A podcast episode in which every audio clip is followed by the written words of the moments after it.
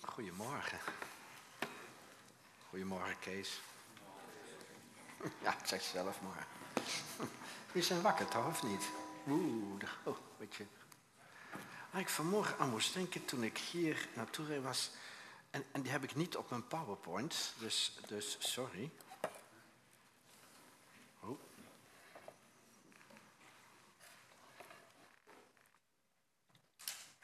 En, in Matthäus 24 en daar staat omdat de wetsverachting toeneemt, zal de liefde van de meesten verkillen. Toen dacht ik, wow, de liefde van de meeste mensen zal verkillen. Weet je waarom? Omdat het zo moeilijk hebben. Omdat de druk zo groot wordt. Omdat we allerlei informatie krijgen via de tv, maar via, via wat we horen, wat we lezen, waar we mee bezig zijn. En dan staat er dat de, de liefde in het hart, die wordt verkild. De mensen weten niet meer wat liefde is. Mensen houden niet meer van elkaar. En dat gaat over gezinnen, dat gaat over kerken, dat gaat over, over de wereld, dat gaat over... En dan denk ik, ah, wow, wow. En, en, en wij zijn uitgerekend bezig met de liefde. Want daar gaat het om. En bedoel ik niet de, de, de Poesie-album liefde van allerlei hartjes. Ik hou van hartjes en ik, en ik doe ook hartkliniek en al die dingen meer. Maar, maar het gaat erom dat dat we gaan ervaren wat nou echt liefde is. Weet je, het, is niet filio, dat is liefde onder elkaar van de broeders en zusters, filio. Het is niet eros, dat is de liefde tussen man en vrouw uh, of intimiteit. Heeft niet altijd met erotiek te maken, hebben we er een beetje van gemaakt. Maar het is de, de liefde waar je eigenlijk zelf beter van wil worden. Toen dat las, denk ik, wow. Staat niet in de Bijbel, hè, het woord eros. Dat was, een, dat was een Griekse god die zelf geen liefde kon weggeven en probeerde overal liefde te halen door zijn pijlen te schieten. En dan zeggen ze ja, en dan schoot hij een pijl naar iemand en dan viel iemand in liefde. Fell in love with somebody.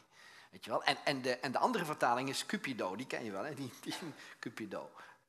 Nou, nou, die liefde noemen we de erosliefde. Dat is liefde om er zelf beter van te worden. Ik sprak gisteren een jongen, zei, ja, ze heeft de verkering uitgemaakt en ik ben helemaal in zakken en ik zie het helemaal niet meer zitten. Ik zei, waarom niet joh? Ja, hoe moet het nou verder? Ik zei, dus jij had haar nodig om verder te kunnen? Ja, maar Kees, je begrijpt het toch wel als, als van het hart. Ik heb nu een gebroken hart. Ik zei, dat snap ik. Dat snap ik. Maar, maar zegt hij, hoe, ja, voor mij is er eigenlijk geen toekomst meer. Oké. Zij was dus alles voor jou. Ja. Beetje dom. Weet je, dan, dan, dus je hebt haar nodig om gelukkig te zijn. Ja, zegt hij. Is dat niet een beetje codependent? Zijn er niet heel veel relaties als zij het uitmaakt dat jij helemaal in zak en as bent? En, en weet je, dat is die erosliefde. Dat is die liefde waar je zelf beter van wil worden. De liefde om te krijgen, de liefde van te ontvangen. En toen Jezus op aarde kwam, zag hij deze liefde, deze soort liefde onder voorwaarden.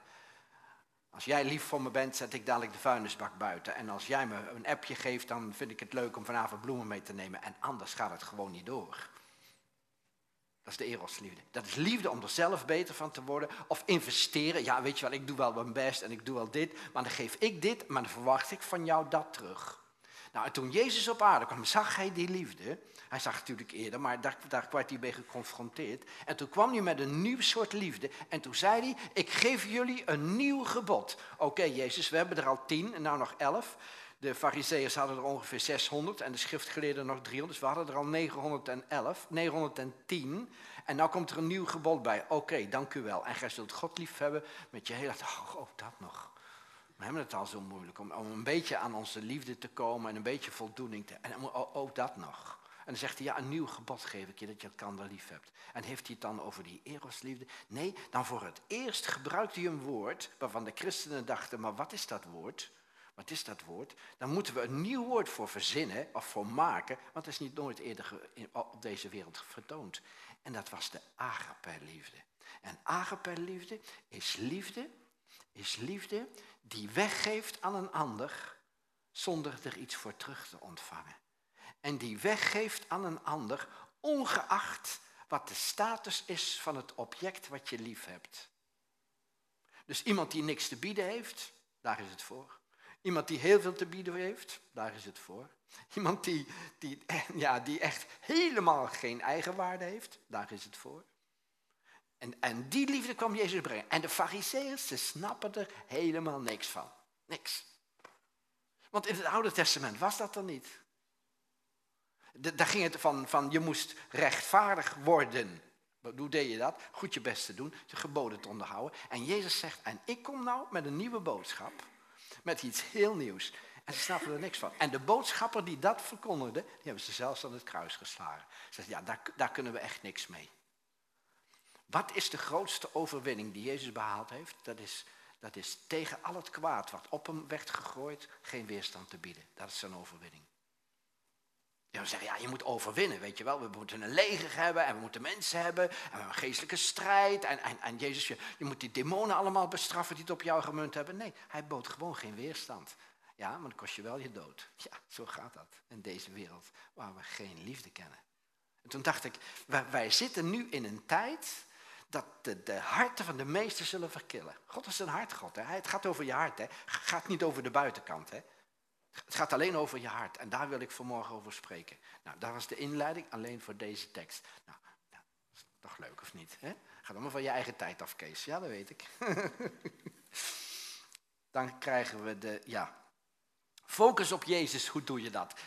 Bij Jong en Vrij hebben we, hebben we vanaf het begin al, en, ik snapte het nooit zo goed, maar dan zei ze, als er dan iets was, moet je naar Jezus kijken. Weet je, wel, je, je hebt een probleem met je dunne portemonnee, moet je naar Jezus kijken. Je hebt een probleem in je relatie, moet je naar Jezus kijken. En ik denk altijd, oh, oké, hoe doe ik dat dan? Hoe, hoe kijk ik dan naar Jezus? En ik ben, ik ben er natuurlijk gaan, in gaan verdiepen, omdat ik natuurlijk heel veel dat soort antwoorden krijg van mensen, ook op de kliniek, weet je wel. Zeg, ja, en, en, en heb je pijn in je hart? En wat doe je dan? Ja, dan zegt iemand, naar Jezus kijken. Zeg, hoe doe je dat? Ja, dat weet ik niet. Ja, ja dan, dan, dan hebben we het, weet je wel. Dan hebben we weer een, een jargon in het leven geroepen. En we pakken de geloofskaart en zeggen, ja, maar kijk naar Jezus. Oké, maar, je gaat kapot van binnen. Ja, dat weet ik wel, maar kijk wel naar Jezus. Oké, nou, wat, wat, ik spot er een beetje mee, hè? maar wat bedoelen we nou naar Jezus kijken? Focus op Jezus, hoe doe je dat? Uh, dan krijgen we de tekst in Matthäus 60 staat, het oog is de lamp van het lichaam, dus als je oog helder is, zal heel je lichaam verlicht zijn. Maar als je oog troebel is, zal er heel je lichaam duisternis zijn. Als het licht in jezelf verduisterd is, hoe groot is dan die duisternis? Ik had van de week nog een gesprek met iemand en die zei, ik, ik word zo moe van alle ellende in mijn leven en van alle narigheid. En zei, je kijkt de verkeerde kant op. Als je je focust op alles wat jouw aandacht heeft, dat is op je verleden, wat jou is aangedaan, op onrecht, dat is wat je niet begrijpt van God, dat is wat, nou noem al die dingen maar op, dan kijk je naar duisternis, naar kwaad, wat op jou gedaan is. Want eh, eh, mag ik jullie even uit de droom helpen? Dit is geen, uh, dit is geen um, hoe noem ik het, een, een heel leuk pad naar de hemel, waar we helemaal nooit geen pijn hebben, niet worden afgewezen, waar we zo, door iedereen zo intens geliefd zijn. Als bij Albert Heijn weggaan, dan zeggen ze prettig weekend en mag ik u nog een huk geven? Ja, dat is niet zo, hè. We zitten in een, in een super egoïstische erosliefde, waar een enkeling, enkeling, een enkeling iets begrepen heeft van de agape-liefde. En dat is hier in de kerk. Wow. Tenminste, daar gaan we vanuit. Deze keer kan ik ook zeggen, in andere kerken waar ik kom. Daar zie ik het ook niet. En, en ik neem geen genoeg meer met dat huistuin- en keukenliefde. Dat neem ik geen genoeg. Ik ben er klaar mee, weet je wel. En terwijl ik het zei, ik heb vorige week in Amersfoort in de Flint gesproken. Heel leuk. Voordat ik er binnenkwam, ik de stad binnen en overal waren grote posters opgehangen, weet je wel. Kees, welkom in de Flint. Ja, ja nee, nee, grapje. maar het was zo leuk. Maar, maar toen dacht ik, ja, nou, nou ben ik hier wel, en, maar dan moet ik wel iets zeggen waar die mensen wat aan hebben. En terwijl ik het zei, zei ik van, weet je, ik ben klaar met al die hartjes. Had ik een, een tekst gemaakt met hartjes erom van liefde is het grootste gebod. Ja, daar ging ik. Weet je wel. Maar, maar, maar het gaat echt om die liefde. Hè? Als je niet die liefde... Eh, nou, ik zal het nog anders zeggen. De wortel van gelukkig zijn is, en van happy zijn, dat willen we allemaal. Dat is het enige waar we naar zoeken. Hè? Of zoek, je, of zoek je naar ellende en narigheid en depressie? Nou, dat zijn ook mensen die dat doen. Die kijken dus echt naar de duisternis. Maar de wortel van gelukkig zijn is weten dat je geliefd bent. Nou, mijn, mijn, mijn goede vriend van de week die dan zei van, ja, ik maak er een einde aan, want ze heeft het uitgemaakt, weet je wel. Maar waar maak je een einde aan? ja, zo ongelukkig, zo desperate, zo wanhopig, omdat hij al zijn kaart op haar had gezet. En nu zegt ze nee, zullen we nog vrienden blijven? En hij voelt zich ongelukkig. En dan denk ik, het, mensen is leuk, maar, maar je moet niet al je vertrouwen op mensen stellen. God heeft het zo gemaakt dat we alleen maar kunnen vertrouwen op Hem. En als je een partner hebt, of een vriend hebt, of een vriendin hebt, die van je houdt, is dat meegenomen. Wow. Jouw enige bron, en dat begrijpen we niet, jouw enige bron, jouw enige bron is Jezus. En dat je daar vol van wordt, en als je dan iemand tegenkomt waar je een klik mee hebt en waar je denkt, wow, die is gaaf, en die niks te bieden heeft vaak, dan is het weer Eros. Wat heb jij mij te bieden? Even kijken. Heb je een rijke pa, rijke ma, leuke zaak? Heb je pa of zo? Nou ja, weet je, ik ben zonder werk. Oh, een leuke meid. Nee. Iemand die niks te bieden heeft, die rafels aan zijn leven heeft en een rugzakje. En om die lief te hebben en te zeggen, ik hou van jou, onvoorwaardelijk. Jij hoeft mij niks te geven, maar ik wil van jou houden om wie je bent. Dat is agape liefde.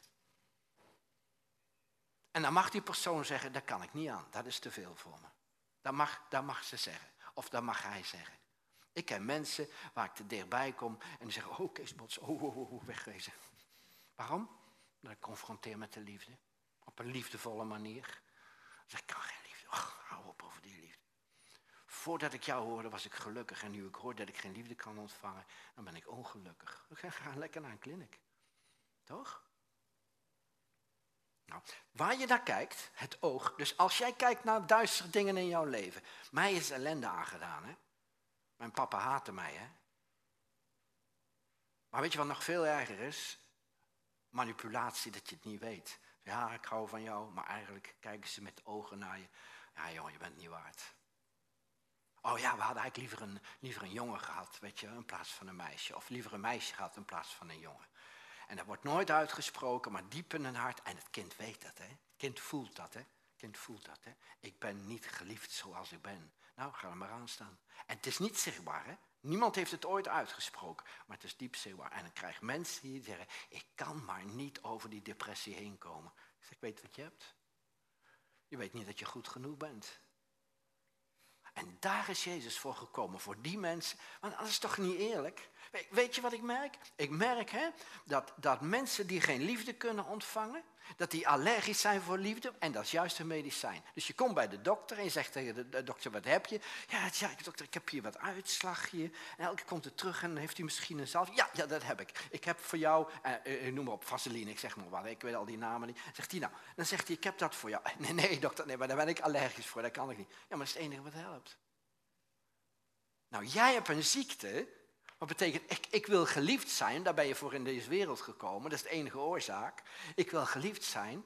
En dan krijg je liefde en daar ben je allergisch voor, omdat je, omdat je onder afwijzing hebt geleden, kapot hart. En, en, en, weet je, omdat je zo teleurgesteld bent. Nou, en dan zou, zou het toch oneerlijk zijn, en ja, ja, jammer, ja, je bent allergisch. Sorry, sorry, je bent allergisch. Nee, dan kan je het niet ontvangen. Ja, jammer.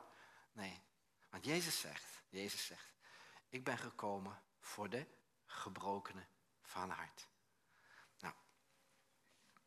Nou zegt die tekst, die tekst zegt, dus waar je naar kijkt, dus waar je ogen naartoe kijkt, daardoor wordt je lichaam verlicht. Nou, stel dat het van binnen duister is, depressie, uh, uh, jezelf niet goed genoeg vinden. Nou, nou, noem alle dingen maar op. Of, weet je wel, pindakaas op. Ja, dat kan. Nou, dan is toch je dag kapot. Ik bedoel, je staat s morgens op, pindakaas op. Ja, ja, ja, ja, beter in mijn bed. Ja, nou, ik maak een grapje, maar je begrijpt wat ik bedoel, hè? Pindakaas is op en dan zit je daar en dan denk je, en nu? En nu? Nou kan je naar die pindakaas blijven kijken tot je een ontzweegt, maar die wordt niet vol. Nou zegt de Bijbel, als je daarnaar kijkt, dan, krijg je, dan word je van binnen duister. Maar hij zegt, als je nou naar het licht kijkt, dan word je van binnen licht. Dus dan kijk je niet meer naar die pindakaas en denk je, ah, pindakaas, vind ik niet eens lekker. Doe een pinotti, dat is lekker. En dan zie je zo'n pot staan voor de kinderen. En dan denk je, hé, hey, dan gaan en, je, en je wordt helemaal gek van duo pinot. Ik zeg maar wat, hè. Of belegen kaas of Amsterdam, maar weet ik veel. Hè?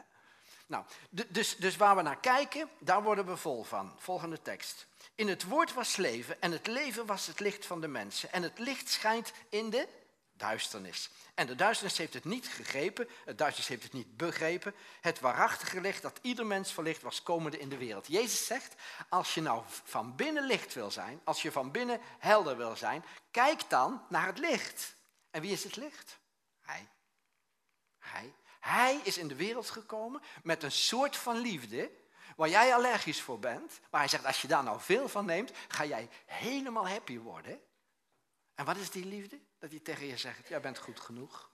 Ja, maar ik voel het niet. Nee, dat is het begin. Je hoeft het eerst niet te voelen. Weet je, want we gaan altijd terug naar onze automatische piloot. Onze automatische piloot is jouw zelfbeeld. Hoe denk jij over jezelf? En hoe komt dat? Dat is wat mensen tegen je gezegd hebben, hoe jij zelf over jezelf denkt. En als je maar vaak genoeg sukkel hebt gehoord in je leven, dan ga je het op een gegeven moment ook geloven. Ook al is het een leugen, want jij bent helemaal geen sukkel. Er zijn wat dingen die mijn vader tegen me gezegd heeft. Dat ik denk, papa, hoe kan je het toch maken? Het is niet eens waar. Maar ik heb ze wel geloofd, waardoor mijn leven tot mijn zestigste mislukking was. Oh ja, ik had een mooie auto. Oh ja, ik had een mooi huis. Oh ja, ik had een leuke baan. Maar ik was ongelukkig. Ik was diep ongelukkig omdat ik niet wist dat ik geliefd was. Geen wonder dat mijn vrouw zegt, na 38 jaar, ik heb het gehaald. Heeft ze het nog lang volgehouden? Toch? Als je geen liefde kan geven, ben je zo'n arm mens. Maar daar kunnen we wel wat aan doen. Nou, Jezus zegt, als er nou duisternis is, kijk dan naar het licht. En hij zegt, ik ben het licht wat ieder mens verlicht. Hij kwam, hij zei, ik ben het licht. Ik, ik kijk nou naar mij, ik ben het licht. Oh, zei, oké, maar dan gaan we weer naar Jezus en wat moeten we doen? En dan zegt hij, kom nou met jouw zorgen. Kom nou met jouw lasten. Want mijn last is licht.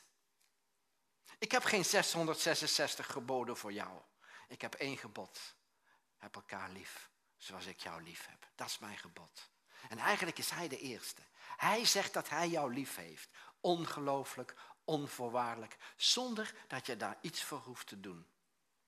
Hebreeën 12 zegt, daarom dan laten ook wij, nu wij zulke een grote wolk van getuigen rondom ons hebben, dat waren dus de heiligen en de mensen voor ons, Abraham en de zonen van Abraham, eh, afleggen alle last en zonde die ons zo licht in de weg staat. Oké, Kees, heb je het over zonde? Oh, oh, oh, dan gaan we weer. Ik heb het over de last. Ik heb het over de last. Denk jij, als je met een marathon meedoet, de marathon van Barendrecht, wanneer is die volgende week? marathon Barendrecht. Denk, jij, denk jij dat als je geoefend hebt in een licht trainingspakje en alles was heel strak en dit en dat, en je bent aan het rennen, je hebt het gedaan, en dat ze bij de, bij de zeiden van ja, weet je, dus een beetje, ja, je bent nogal slank, Kees, en, en weet je, we, we zijn allemaal mensen wat, wat zwaarder en wat dikker, we geven je twee overjassen aan. Denk je dat ik zal winnen? We gaan niet winnen, hè? We gaan niet winnen. Nu zijn er mensen, niet hier, maar in andere gemeentes, die doen bij, bij, de, bij de wandel die ze hebben, doen ze overjas aan. Dat zijn dingen die op hun gegooid zijn. Dat zijn zonden die op hun gelegd zijn. Dat heet afwijzing. Dat heet niet goed genoeg. Dat zijn al die dingen die op die mensen gegooid zijn. En die als, als, als rugzakjes, maar ik noem het dan overjassen. Nou, doe die overjassen maar aan. Nou, je komt eraan, weet je wel. Op je, op je, ja, oh, en je gaat rennen. Je ziet al die mannen strakke pakken, mooie schoenen. En jij loopt dan. Weet je, een paar oude werkschoenen met, met, met, met ijzer in de neus. Nou, ga maar lopen. Dat gaat niet lukken. Dus, dus, dus hier, zegt, hier zegt de Hebreeën schrijver, die zegt... Leg nou alle last die ons zo licht in de weg staat, om met volharding de wedloop te lopen die voor ons ligt. En laat ons oog daarbij alleen gericht zijn op de duisternis. Nee, laat ons oog daar alleen gericht zijn op onze zorgen. Laat ons oog daar alleen gericht zijn op onze dunne portemonnee. Nee, laat ons oog alleen gericht zijn op Jezus. Want Hij is de bron van jouw leven. Hij is het licht waar je naar jij kan, kan gaan kijken. En Hij is de liefde die jij zo nodig hebt. Dan gaan we ook nog kussen. Hooglied 1 vers 1. Haha. Wat gebeurt er als, uh, als een van de kinderen geboren wordt? Ik weet het, ik heb drie kinderen. Het eerste wat er gebeurde was dat ze de navelstreng door deden. Klap op de billetjes als ze niet snel genoeg beginnen adem te halen en te huilen. En dan gaan ze, leggen ze op de buik van de moeder en dan wordt de, de vader is er dan bij, zoals ik dan. En wat doe je dan als eerste? Dan geef je een kus. Jij bent welkom in deze wereld. Bij al mijn drie kinderen heb ik dat gedaan. Toen mijn ouders overleden, mijn vader. Ik moest tegen mijn vader zeggen, je hebt nou drie dagen. En dan is het klaar. Dan hebben wij nog iets goed te maken, Kees. Pap, een kus. Kus. Je komt op de wereld met een kus. en je verlaat de wereld met een kus. Als je mensen hebt die van je houden. Kussen, kussen is eigenlijk, weet je, ik moest denken aan het Hooglied. Dat ben ik nu aan het bestuderen, dat is mijn lievelingsboek. En niet verder vertellen. Maar Hooglied is mijn lievelingsboek. En, en, ik ben niet verder gekomen als vers 1. Daar staat, kus mij met uw kussen, want ze zijn zoeter dan wijn. Nou, wat is dat kussen nou? Wat is dat kussen nou? Het kussen is als, als twee mensen intiem gaan worden en ze hebben vriendschap. En op een gegeven moment, dan zeggen ze wel, ik hoor het wel die jonge lui bij Jonge Vrijheid, maar hier ook natuurlijk. Hebben jullie al gekust? Met andere woorden, heb je al intimiteit gehad? Heb je al gekust? Ja, hij heeft me al gekust. Wow, wow, gaaf. Dat, is het eerste teken van, ik zie jou zitten. Ik ben blij met jou. En, en waar komt dat vandaan? Toen, toen Adam op aarde was en hij was alleen nog maar stof. Ja, we, doen wel of we heel veel zijn, maar we zijn niet meer dan een beetje stof. Hè? En wat deed God? Die kwam met zijn adem, met zijn kus en die kuste hem. En daar staat dat hij, dat zijn adem in zijn neusgaten blies. Dus het is niet zo, adem staat daar en God staat hier. En dat hij zegt, nee, nee, nee, nee, nee. Ik zal het niet voordoen, maar hij pakte zijn hoofd. hij pakte zijn hoofd en hij blies zijn adem in zijn neus. En eigenlijk, hè, eigenlijk kuste hij hem. Want wat doe je als je een kus geeft aan iemand? Ja, op de wang, ja, maar dat is een huistuin- en keukenkus, dat bedoel ik niet. Hè? Wat doe je dan? Jouw adem in de adem van de ander en de adem van de ander in jou. En, en dat is het, de schepping, dat is het leven. God heeft ons gekust. Hè? Weet je wat ik, wat, ik, wat ik mee bezig ben? Elke keer als ik wakker word, vanmorgen ook, hè? Als, dan haal ik diep adem. Bewust, hè?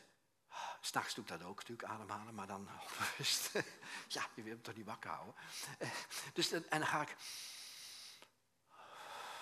En dan realiseer ik me, dit is de adem van God waardoor ik leven heb. En God ademt in mij. Hij blaast die adem in mij. En ook voor ik slapen ga.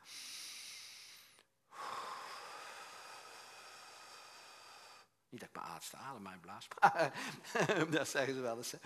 Maar dat je heel bewust wordt dat hij je aan het kussen is. En dat die, dat, die, dat, die, dat die adem van hem, dat je die in mag drinken als zijn liefde. En dat alle dingen bij het uitblazen, alle narigheid, alle ellende, alle dingen. Je moet niet je ellende op gaan noemen voor je gaat slapen gaan. Hè?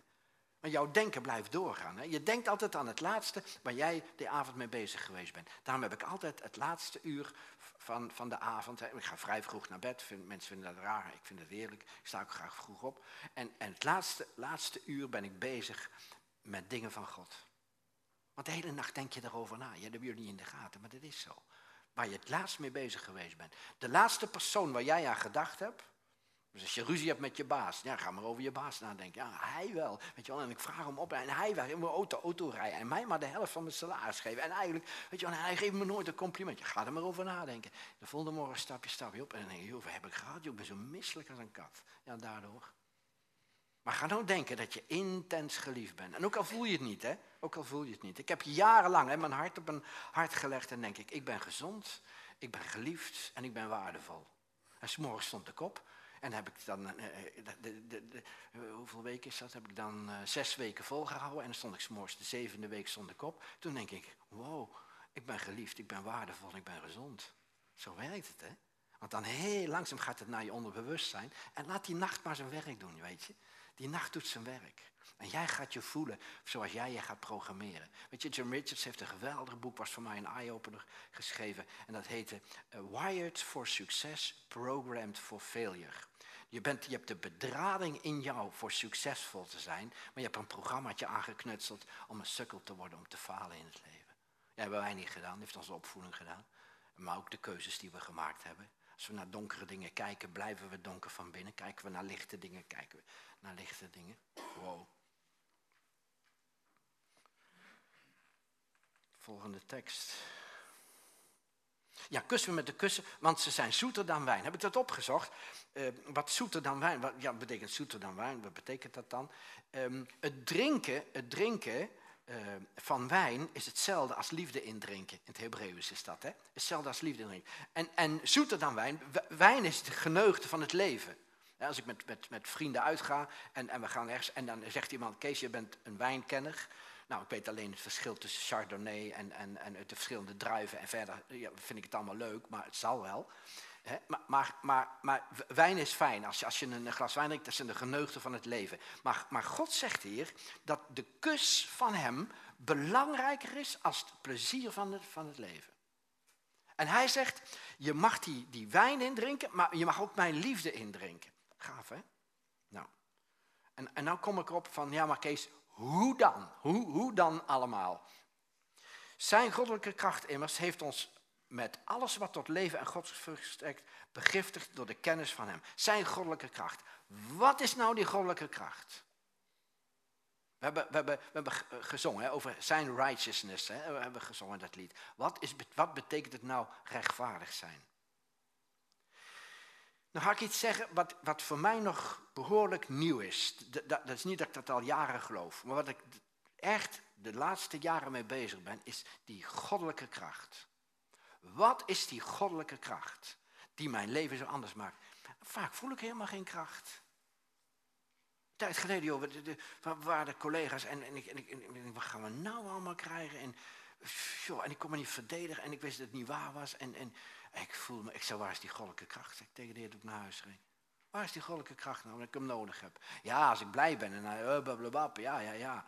Ja, ja, maar, maar, maar, ja, dat is gewoon spontaniteit en, en, en, en dat je je goed voelt. Maar waar is nou die goddelijke kracht voor momenten dat ik het nodig heb? En ik ben erachter gekomen, ik heb het elke dag nodig. Gaan we naar de volgende tekst.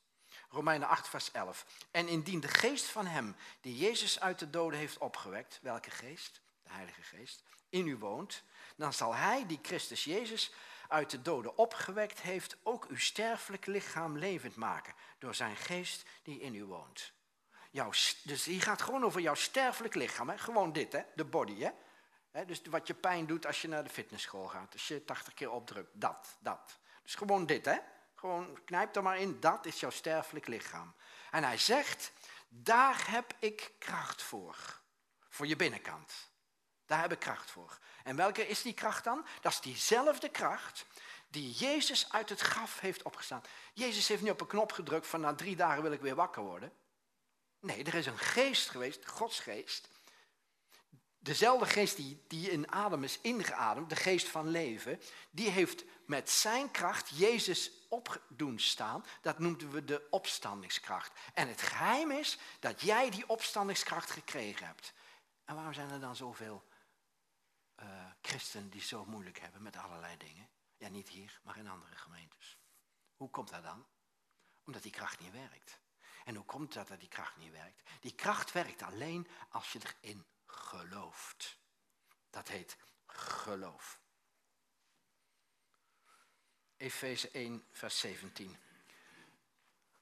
Opdat de God van onze Heer Jezus Christus, de Vader der heerlijkheid, u geven de geest van wijsheid en van openbaring om hem recht te kennen. Dat is, oh, oh, dus ik heb openbaring nodig om, die, om te kennen wat die kracht is. Ja, daar heb je openbaring voor nodig. Je hebt openbaring voor nodig om te weten wat die kracht is. Openbaring om hem recht te kennen, verlichte ogen. Moet ik, moet ik verlichte ogen hebben? Nee, verlichte ogen van je hart. Zodat je weet welke hoop zijn roeping werkt. Hij heeft jou geroepen, hè? Hoe rijk de heerlijkheid is zijn er erfenis bij de heiligen. En hoe overweldigend groot zijn kracht is aan ons die geloven. Naar de werking van de sterkte zijner macht. Die heeft gevrocht in Christus door hem met de doden opwekt. Dan heb je weer die opstandingskracht. Die opstandingskracht werkt alleen op één voorwaarde. En dat is als jij je rechtvaardig voelt. Anders werkt hij niet. Wow. Opstandingskracht is voor iets wat dood is. Nou, heb je een relatie die dood is, dan heb je opstandingskracht nodig.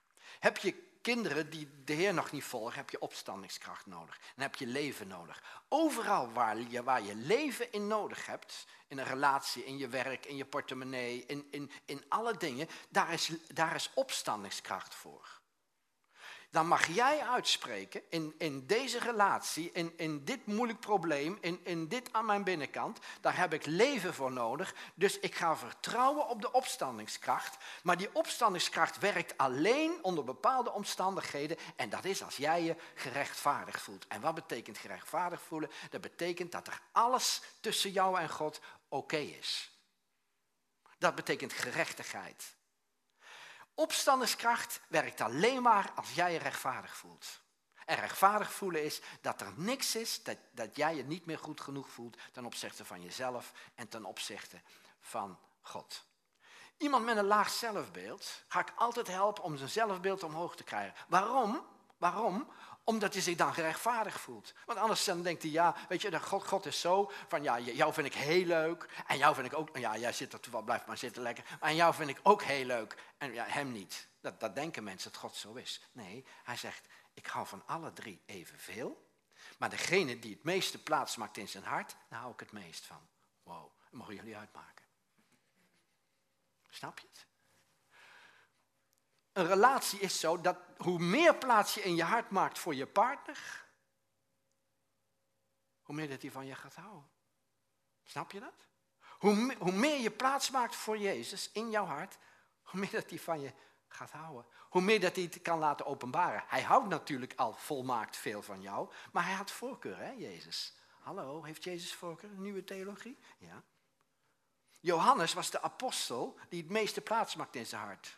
En als hij dan aan tafel aanlag, dan lag Johannes altijd hier bij hem. En dan ging Petrus daar liggen, die denkt, ja, ik ben ook goede vrienden, toch? Dan zegt nee, nee, nee, nee, Johannes, hier, kom op. Jij bent mijn, mijn hartsvriend, mijn boezemvriend. Jij bent degene die aan mijn boezem ligt. Gaaf, hè? En je ziet dat ze allemaal op de loop gaan als Jezus gevangen genomen wordt. Maar één, die gaat niet op de loop. Wie? Johannes. Die blijft het aan het kruis. Hè? Als ze hem kunnen pakken, interesseerde hem helemaal niet. Petrus met zijn grote mond, komt een meisje even langs, die moest wat wijn brengen aan de soldaten. Die komt even langs en dan zegt ze, hey, uh, hey, Petrus, hé hey, hey, jongen, ben jij niet die visser uit Galilea? Die zachte G hoor ik, van Galilea. Van, van hé, hey, jij was toch ook bij Jezus? Nee joh, die ken ik niet. Wat ben je nou? Met je agape liefde, Petrus? Geen veroordeling, hè, want hij maakt het in orde. De heer vraagt daarna drie keer, hou je van me, hou je van me, hou je van me. Maar Johannes, is, die had het echt begrepen. Die had het echt helemaal begrepen. Die wist zich rechtvaardig. Die wist zich geliefd. Die, die gaat, over, gaat een eigen evangelie schrijven. Hè? En dan gaat hij inschrijven de, degene waarvan Jezus van houdt. Ja, maar dan ben je zelf. Hallo Johannes. Ja, maar ik weet het wel. Je mag tegen, tegen, ik heb een heel groot ding gekocht. Hè? En denken ze, ook bij de karweien, dat is hartstikke mooi. Het, kost iets, maar dan heb je ook wat. En, en, uh, en daar staat op een hele grote letter 1. En staat met kleine letters aan, you are my number one. Dan denk ik, ja, die ga ik kopen. Zo is dat voor iemand? Is voor mij. En elke keer als ik naar mijn slaapkamer op, ik heb zo, in, voordat ik met mijn slaapkamer binnenkom, hangt het daar zo, you are my number one. Wauw, dank u Jezus. Dat heb ik nodig, hè? Ik heb zo lang gedacht dat ik niet goed genoeg was. Ik heb zo lang gedacht dat ik er niet toe doe. Ik heb zo lang gedacht dat, het niet, dat, dat allemaal niet lukte in mijn leven. Dat ik nooit iets zou ontvangen. En nu joh, ben de gelukkigste mens, op jullie na dan, maar van de wereld. Maar echt hè. Als je niet weet, als je niet weet dat je rechtvaardig bent, dan, dan, gaat die, dan gaat die opstandingskracht niet landen. Dus wat moeten we doen? We moeten gaan mediteren op wat betekent het rechtvaardig zijn. Toen Jezus stierf, toen ging het, het, het gordijn van boven naar beneden ging open. Weet je wel, er was weer toegang tot God. En wat hebben we gedaan als religieuzen? Ja, niet ik, maar mijn voorouders. Die hebben naald en draad gepakt en het weer netjes dichtgemaakt. En hebben gezegd, nee joh, dat kunnen we toch niet doen. Ik kan toch zomaar niet naar God toe gaan. Maar soms zomaar het, het heilige der heiligen. Nee, nee, dat doen we niet. En religie, religie, en dat is alles, dat is alles wat jou zegt niet, niet goed genoeg bent. Dat er geen toegang is, die heeft het met naald en draad keurig netjes weer dichtgemaakt. En gezegd, nee joh, God is heilig, weet je wel, jij moet ook heilig worden. Nee joh, nee joh, zegt, kom binnen. Ja, dat hebben we dichtgemaakt.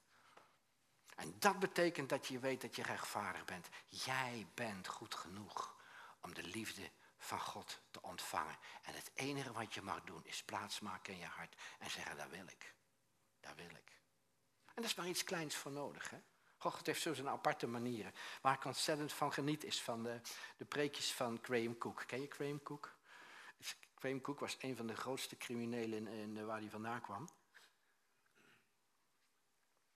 Hij mocht geen bezoek hebben van zijn uh, familie, omdat de helft van zijn familie ook in de gevangenis zat. En ze altijd dingen deden om de rest weer te laten ontsnappen. Hij heeft dat een keer verteld. Het is echt, het is echt bizar.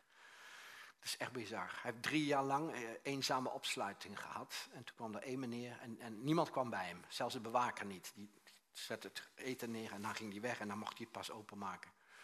En hij heeft ontzettend geleden en, en hij was kapot van binnen. En op een gegeven moment komt er een uh, bewaker binnen, en, uh, of, of, een meneer binnen, en die zegt, ik kom u uh, een goede boodschap brengen. En zegt hij, dat moet wel heel erg goed zijn voor mij, want ik, ik heb het echt allemaal. En zegt hij, kom u het evangelie uitleggen. Ach, meneer, hou op, ik zit hier, dit en dat. En, maar die man maakte zo'n indruk. Nou, na een jaar kreeg hij weer, niemand op bezoek en toen werd hij, werd hij vrijgelaten. En toen was het, uh, hoe noemen ze dat, die, die, de reclassering, die kwam hem ophalen en ging ze op een terrasje een kopje koffie drinken. En toen zei hij, en een slimme gozer die, die koek, wauw. Hij zegt, hij zegt uh, ik wil nou één ding, mijn grootste wens is dat ik een kopje koffie kan drinken na drie jaar met een krant erbij. Want dat kreeg hij ook niet, hè. Als ik wil weten hoe het in de wereld eruit ziet. Ja, we hebben tegenwoordig keurig gevangenissen. Ja, Kees, weet je het zo goed? Nee, ik heb het horen vertellen. Weet je wat, daar kunnen ze gewoon, daar heb je alles, tv en alle kanalen, alles dit. Maar, maar, hij had dat niet, hij was van alle nieuws. Hij zei, ik zou zo graag een krant willen lezen. Oh, zegt die man van Rick, hier om de hoek, eh, daar hebben ze wel zo. Zal ik even een krant halen? Nee, die doe ik zelf wel even. Dus nou, hij pakte, hij kreeg geld van die man, ging die krant halen. En toen had hij die krant in zijn hand. Hij denkt, ik moet helemaal niet bij de reclassering zijn, die kan me helemaal niet helpen. En laat die mensen lekker zitten. Ik ga die man opzoeken die me ooit iets verteld heeft. En hij pakt een stukje papier waar die man zijn adres. En hij is die man gaan zoeken heeft dagen geduurd, kreeg hij hallucinaties, van hij had geen eten, hij had geen geld, hij had helemaal niks. Hij durfde niemand te vragen om hem te helpen, want dan moest hij weer terug naar de reclassering. Uiteindelijk heeft hij een man gevonden en hij heeft het evangelie, de liefde van God, waar hij zijn hele leven naar op zoek was ontdekt. En deze man is nu zeer vermogend, als hij reist, reist hij business class. En zo hoort het ook, eens per jaar. en, en weet je, maar, maar, maar hij heeft tegen de Heer gezegd, Heer zegt hij, uh, ik wil met u een deal maken. Ik ben zakenman en ik kan zaken doen. En het, weet je, ik ben heel veel tuinlijk en dit en dat. Maar ik, ik, ik, als u me nou echt, echt, echt leuk rijk maakt. Niet gewoon huistuin en keukenrijk, maar echt rijk maakt. Niet voor dat, maar dat gaat zoveel helpen met, met, met dingen weggeven, ook voor, voor, voor allerlei dingen. Uh, zorg dan, hij zegt, weet je, dan doe ik het zo. Maak mij dan heel rijk, dan geef ik negentiende geef ik weg. 90% van mijn spullen. Ja, ja, dat is goed.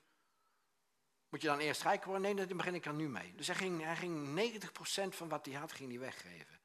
Die man is multi, multi, multimiljonair geweest en hij doet het nog steeds. Hij zegt, je kan van God op aan, hè? Van helemaal niks, van crimineel die echt helemaal niks had. Nu tot multimiljonair en, en prediker van het evangelie. En profetisch, hè?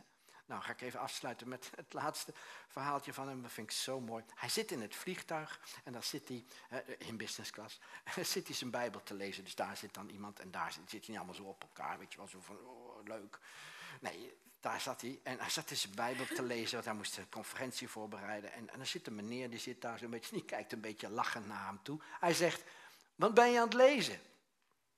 En uh, Graham Cook zegt, kookboek. Hij zei, nee, dat is de Bijbel. Hij zegt, de Bijbel? Lees jij de Bijbel? Hij zei, dat zie je toch, dat dat de Bijbel is? Ja, zit hij, dat zie ik wel. Hij zei, maar daar moet ik trouwens niks van hebben, van dat soort mensen, van de Bijbel. Toen zei hij, heer, deze man heeft een verwond hart. En hij meent het helemaal niet zo, maar als er iemand is die u nodig heeft, dan bent u het. Zegt hij, joh, vertel me dan eens iets van jouw God. Hij zei, waarom lees je eigenlijk in de Bijbel? Hij zegt, ik ken de auteur. Ik heb een hele goede relatie met de auteur. Goed is dat, hè? Met God, hè? En toen zei hij tegen de Heer, ik, ik, wil die man een woord geven. Ik heb geen tijd om urenlang het evangelie uit te leggen. Hebt ge al geknield bij het kruis van Golgotha en al die dingen allemaal. Allemaal leuk. Maar gaat die man echt niet helpen. Die is zo allergisch voor de liefde en het evangelie. Ik ga hem iets, ik, moet, u moet mij een woord geven. en hij zit daar en hij zegt, Heer, geef me een woord. En de Heer geeft hem een woord. Die zegt, Jack Russell. Jack Russell? Jack Russell. Klein hondje, drie pootjes, één is geamputeerd, een wit oor, een zwart oor en hij heet Jack. En dat moet je tegen hem zeggen.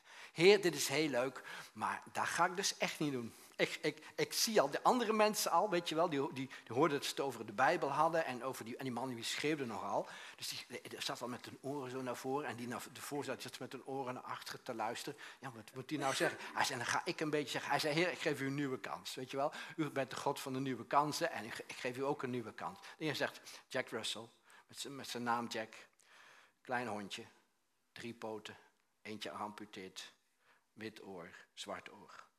Oké. Nou, ja, hij denkt, hoe ga ik hem vertellen? Dat is allemaal in secondes gebeurd dat, hè, met intuïtie als God tot je spreekt. Hij zegt tegen die man, hou je van dieren? Hij zegt, ja, Hij zegt, hou je van grote dieren of van kleine dieren? Hij van kleine dieren. Hij zegt, hou je, wat, wat voor hou je van huisdieren of hou je van, van paarden of dingen? Nee, ik ook van huisdieren. dacht hij, oké, oké, nou, nou, nou ben ik heel, heel warm, nou ben ik heel warm. Toen zegt hij, ik heb iets voor je. Zegt die man, oké. En toen zegt hij, een Jack Russell, hij heet Jack, drie pootjes, één is geamputeerd, één wit door, één zwart door. En die man begint met haar te huilen. Die begint met haar te En hij zegt, dat snik. Hij, ik weet niet, maar wat is er mee? Hij zegt, ik was een jaar of vijf en ik had een hondje. En die heette Jack. was een Jack Russell. En hij was aan de overkant van de straat en ik stond hier. En ik riep, Jack, Jack, Jackie, kom dan, kom dan. En hij steekt over en ik heb niet goed uitgekeken. Er komt een, een, hoe heet het, een, een vrachtwagen aan en die rijdt hem aan. Meer dood als levend, bloeiend en, en zijn pootje helemaal loshingend.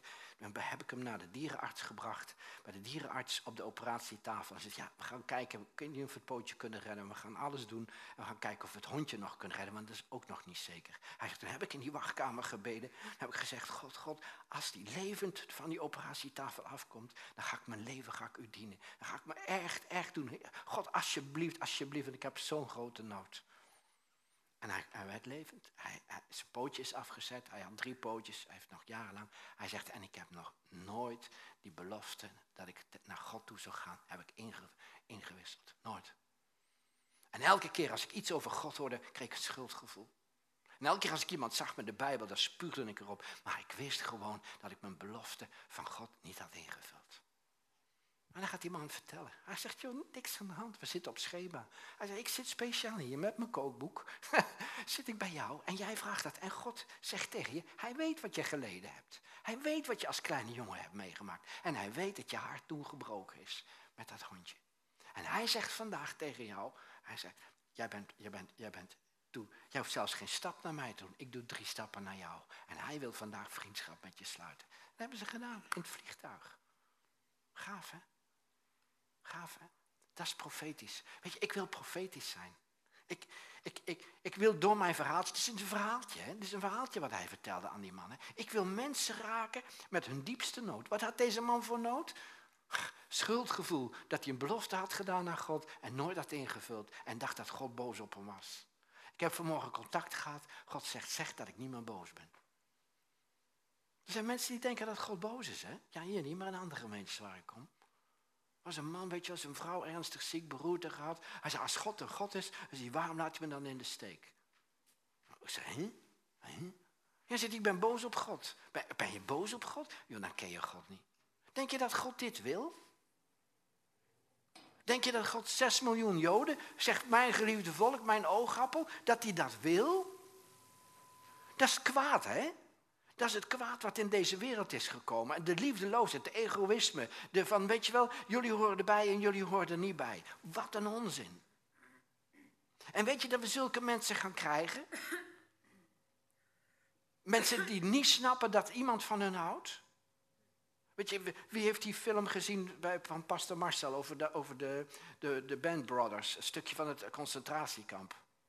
Oh, oh, kan dat nog even? Kan, kan, nog, kan nog twee minuutjes? Wie gaat erover?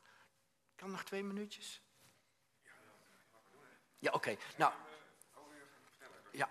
Nou, nou, nou, nou dus, dus um, liet hij de film zien van een stel militairen, die, die, die, de Amerikanen, die komen dus uh, uh, om de, uh, in um, Landsberg, die plaats, om die te bevrijden, of dat was nog verder.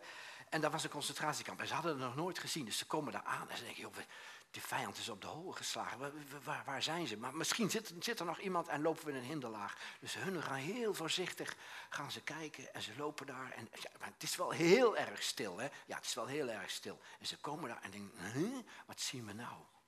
En ze zien daar een groot kamp met, met joden daarin, die, die helemaal, weet je wel, vermagerd waren en, en, en ziek en, en, en stonk ontzettend. En ze zagen rookpluimen van barakken die in de fik gestoken waren.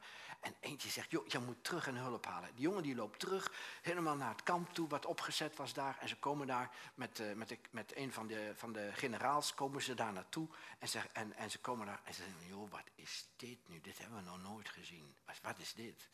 En ze, ze maken die, die, die dingen open, die deur maken ze open met een, met een tang. En dan die, die, die uh, joden komen dus naar buiten en er is er één man, Gottlieb, nou ja, dat is, dat is een Jood. En, en die, die, die Amerikaners, die dus ook in het leger was, maar die ook Duits sprak. En die ging vertalen. Ze zei, waarom zijn jullie hier? Wat zijn jullie? Zijn jullie criminelen? Nee, nee, nee, wij zijn schoenmaker, wij zijn, wij zijn horlogemaker, wij zijn timmerman, wij zijn ambtenaar, wij zijn chirurg. maar, maar, waarom zitten jullie dan allemaal? Wat hebben jullie dan allemaal gedaan? Enige is, we zijn Jood. Wat is er dan gebeurd? Toen ze hoorden dat jullie er aankwamen, hebben ze geprobeerd alle barakken uh, in, de fik te steken. En ze hebben geprobeerd alle mensen te doden, maar de munitie was op, dus ze konden niet meer. En jullie kwamen steeds dichterbij en ze zijn op de vlucht gegaan. En wij zijn hier gebleven. En, en toen op een gegeven moment, toen, toen was het zo, toen zei die ene, ene uh, adjudant, die zei, zorg dat er brood is, zorg dat er water is, want die mensen zijn verhongerd. En, en geef ze dekens en geef alles. Nou, toen kwam er een heel konvooi op gang. En op een gegeven moment kwam ook de hoogste generaal, die kwam kijken. En die had een dokter bij zich. En die generaal die stond daar. En hij zegt tegen die dok, hij zegt, wat gaan we doen? Hij zegt, stoppen met eten geven, stoppen met drinken geven. Huh? Hij zegt, en die mensen moeten terug in het kamp. Want die moeten gedoseerd worden. Heel langzaam moeten we ze herstellen. En als ze te veel eten, eten ze zichzelf dood. En als ze te veel drinken, drinken ze zichzelf dood. En die mensen zeggen, huh? jullie zijn onze bevrijders en we krijgen geen eten, we krijgen geen drinken en we moeten weer terug in het kamp. Ze dachten, dat is het oude regime wat de Duitsers ook gedaan hebben. En ze wantrouwden het hart van hun bevrijders. Weet je, en Pastor Marcel zei, en dat vond ik ook zo, weet je dat er heel veel, en hij zei het niet zo letterlijk, maar hij zei, Kees, ik zie mezelf als die generaal en ik zie jou als de hartdokter die naast me staat en die zegt, nee joh, hebben de mensen, mensen hebben dat en dat nodig. Ja, maar willen mensen toch vrijgeven? Nee, nee, nee, dat moet gedoseerd. Ja, maar de mensen willen graag eten. Nee, nee, nee, nee, dat is niet goed, want ze eten zich dood. Weet je, en, en ik mag kijken en ik mag zeggen, en dan zegt hij, en dan zegt hij tegen die, tegen, tegen die generaal, die gaat weg, die wordt, wordt terug, teruggeroepen, om, uh, is aan het telefoneren, en, en dan zegt hij tegen die, soldaten, doe alles wat die dokter zegt. En die dokter zegt, ze moeten terug in het kamp, geen eten meer, geen drinken meer, ze mogen niet meer zo'n stukje brood, en elke dag wat meer. En gedoseerd gaan we ze gezond maken. Nou, en heel veel mensen, niet in deze gemeente, maar in andere gemeenten waar ik kom, die wantrouwen mijn hart als ik zeg wat goed voor hen is. Ze doen dingen en dan denk ik, jongen, waarom doe je dat nou? Dat is niet goed voor je. Ja, maar Kees, dat is het oude regime, dat is weer onder de wet wat jij zegt. Ik zeg, dat is niet onder de wet. Dat is om jou langzamerhand gezond te maken, stap voor stap. Kliniek, oh nee hoor, we zijn een nieuwe schepping, dat hoeft niet. Jo, je bent niet gezond. Je bent niet gezond. Ik weet wel dat je een nieuwe schepping bent, maar kijk eens naar hoe je leeft. Met al je pijn, al je narigheid, al je ellende in je leven. En het enige wat ik wil, is je gezond maken. Ja, maar wat je nu zegt vind ik helemaal niet leuk. Ik zeg, dat snap ik. Weet je, een hartchirurg, als iemand op de operatietafel ligt... en de hartchirurg die zegt... mevrouw, eh, eh, ik ga u dadelijk even pijn doen. Dat ze zegt, oh nee, oh nee, dan ga ik naar huis. Nee, dat doen we niet, hè. Het doet even pijn, hè. Weet je, er zijn mensen bij die zeggen, Kees, maar er zijn mensen die hebben klachten over jou. Oké, pastor, wat is er dan? Ja, die vinden dat je af en toe wel wat mensen pijn doet. Ik zeg, dat snap ik. Ik zeg ze de waarheid om ze vrij te maken. Weet je waarom ik dat doe, pastor? Omdat ik van ze hou. Ja, maar mensen zijn heel erg teleurgesteld en, en dit en dat. Oké. Ik, ik, ik, ik, ik, ik kan niet anders. En mensen zeggen, nou kom ik onder het oude regime. Het enige wat ik wil is jullie happy maken. Jullie gezond maken. Jullie Jezus laten zien. En dat je van hem gaat genieten. Nou, en ik zeg niet dat deze mensen zo hier zitten zoals in het concentratiekamp. Maar als jullie willen groeien, jullie als Barendrecht, jullie zijn deur van het licht voor Barendrecht. Als jullie willen groeien, mogen jullie zorgen dat jullie zelf gezond zijn, zodat jullie andere mensen gezond kunnen maken die gaan binnenkomen. Want daar willen we toch. En dan komen er mensen binnen, nou jongens, hou je hart maar vast. Die hebben niet netjes in kerken gezeten of die komen niet van een keurige nette reformkerk. Nee, die komen uit de, uit de chips, uit de, je weet het. En dat is het. Ik heb een groot verlangen dat jullie gezond worden. Dat jullie naar Jezus gaan kijken. Dat jullie rechtvaardig weten. Dat jullie die opstandingskracht die jullie in jullie hebben. Eerst gebruiken voor jullie eigen leven. En daarna gebruiken. En daarna gebruiken. Jullie mogen. En daarna gebruiken voor anderen. Is dat gaaf? Amen. Het gaat om die opstandingskracht. En die opstandingskracht, zeg ik voor de laatste keer, kan je alleen ontvangen als je weet dat je rechtvaardig bent. Weet jij je rechtvaardig? Weet jij, rechtvaardig betekent dat alles goed is tussen jou en God.